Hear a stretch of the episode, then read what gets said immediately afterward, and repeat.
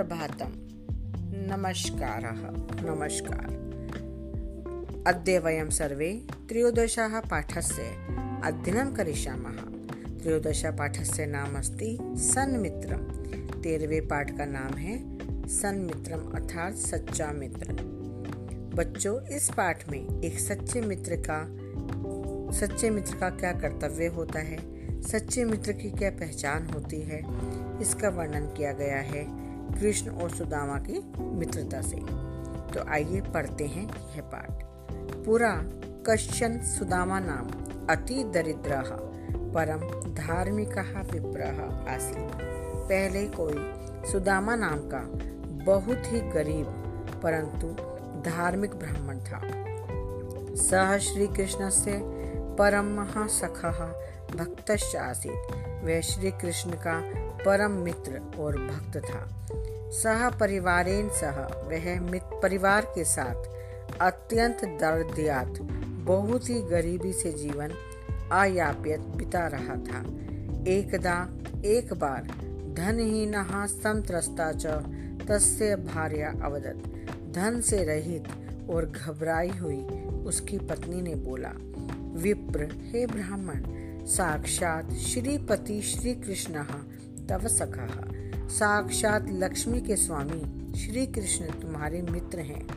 तत्कथम भवान, तम किंचित धनम ना याचते तो किस लिए आप उनसे कुछ धन नहीं मांगते?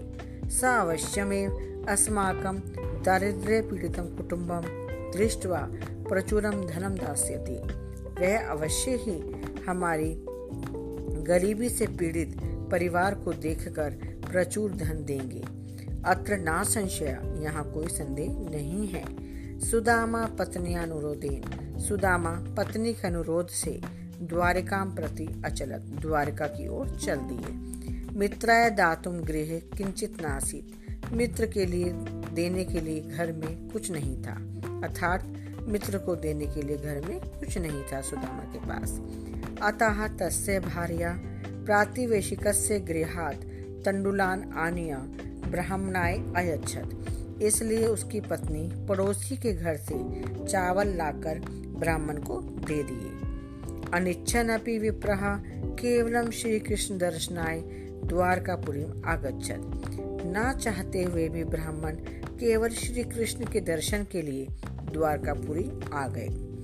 श्री कृष्ण से प्रासाद से सम्मुखम स्थित सह चिंतित श्री कृष्ण के महल के पास जाकर उन्होंने सोचा महाराजा से श्री कृष्ण से दर्शन कथम भवेद महाराजा श्री कृष्ण के दर्शन कैसे हों? सह द्वारपालम निज नाम अवदत। उन्होंने द्वारपाल को अपना नाम बोला, परंतु द्वारपाल सह निषिद्ध, परंतु द्वारपालों के द्वारा उन्हें रोक दिया गया। ततः संदेशवाहकस्य मुखात् सुदामा इति नाम श्रुत्वा श्रीकृष्णः धावन प्रासाद्वारम आगतः। उसके बाद संदेशवाहक के मुख से, सुदामा, यह नाम सुनकर श्री कृष्ण दौड़ते हुए महल के द्वार पर आ गए।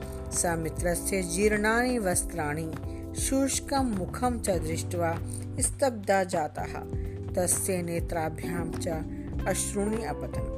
उन्होंने मित्र के पुराने वस्त्र और सूखे हुए चेहरे को देखकर, मुख को देखकर वह आश्चर्यचकित हो गए। उनकी आँखों से आँसू गिरने लगे। सह पुलकिता भूतवा मित्र से दृढ़ आलिंगन अकरोत। उन्होंने प्रसन्न होकर मित्र का दृढ़ता से आलिंगन किया, अर्थात गले लगाया।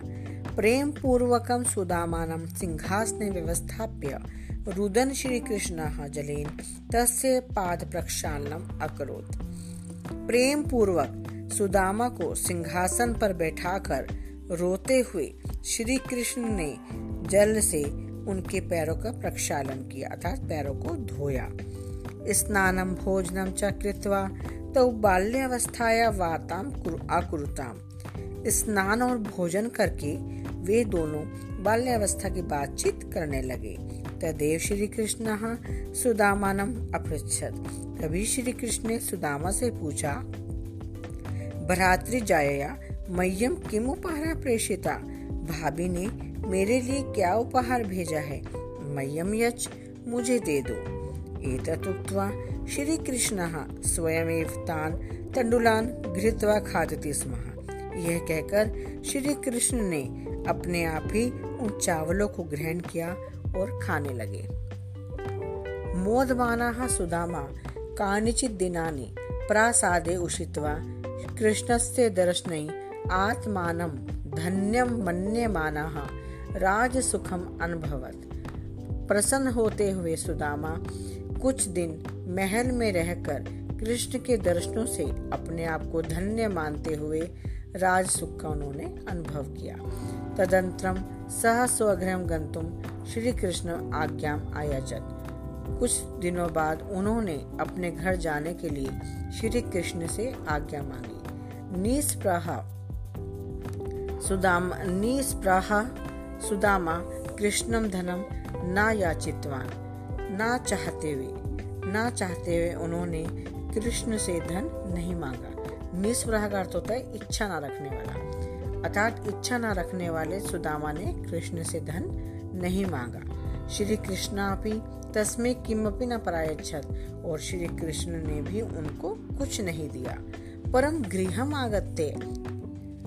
स्वपत्नीम अलंकार शोभन वस्त्र च सुसज्जितां दृष्ट्वा, कुटीर स्थाने प्रासादं दृष्ट्वा सुदामा।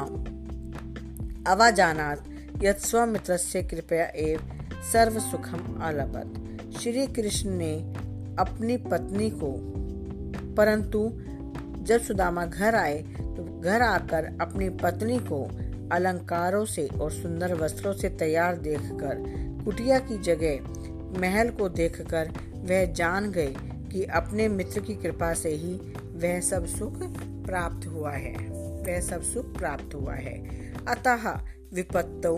यह मित्रस्य दुखानि नाशितुम प्रयतते, स एव समित्र भवति। इसलिए मुसीबत में जो मित्र के दुखों को नष्ट करने के लिए प्रयत्न करता है, वह ही सच्चा मित्र होता है।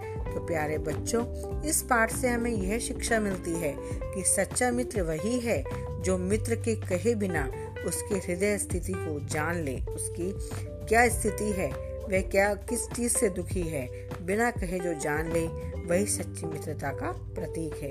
तो सुदामा और श्री कृष्ण की मित्रता हमें यह सब सिखाती है। धन्यवाद बच्चों।